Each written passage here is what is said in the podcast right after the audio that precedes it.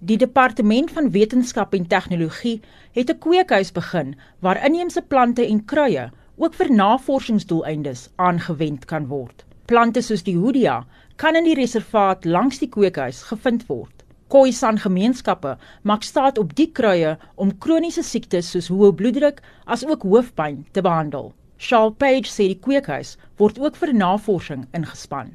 Ons het ook vir mense van buite af wat inkom om met die san geneesere genees te word en hulle het baie goeie genees moontlikhede al die plante van die san mense en die medisonale projek is so 2006 2007 begin waar hulle begin het om die plante te kweek om dan ook te sien wat die uitwerking van elke plant is op watter siekte.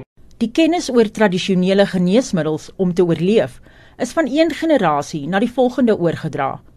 Een van die tradisionele gebruikers, Klopan Schwartz, verduidelik. Nou is die kamaku, is 'n baie goeie medisyne. Ons neem hom mooi, ons fisies maak hom bietjie droog. Of jy kan hom nat nat ook gebruik. Dan vat jy 'n paar, so vyf stuk, ses stukkies. Kook hom so tee. Jy kleer hom af gee. Nou wag jy die bietjie afkoel. Nou drink jy. Nou die uitverk is ook 'n goeie medicine dokter. Ons gebruik sy mag. Vir 'n stukkie van hom, sy mag. Ons in die water kook hom. Hy maak jou mag mooi skoon jou bloedstelsel werking mooi skoon, jou niere goed maak mooi skoon. Die bestuurder van die natuurreservaat, Dirk Pinaar, sê om in die Kalahari te woon, moet jy spesiale kennis oor die omgewing en die natuur hê. Dit is baie belangrik vir my as 'n persoon om die kennis wat ek het as Boesman of as Komanishan oor te dra aan die nuwe generasie.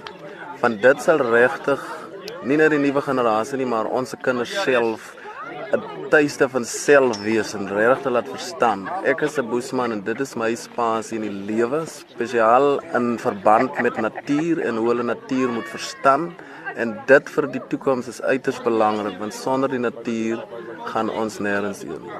Die gebruik van plante vir farmaseutiese verbruik is nog nie behoorlik ontgin nie en projekte soos hierdie is daarop gemik om die verborgde potensiaal te ontsluit. Die verslag is saamgestel deur Lereko Motseko in die Noord-Kaap. Ek is Annelien Moses vir SAK nuus.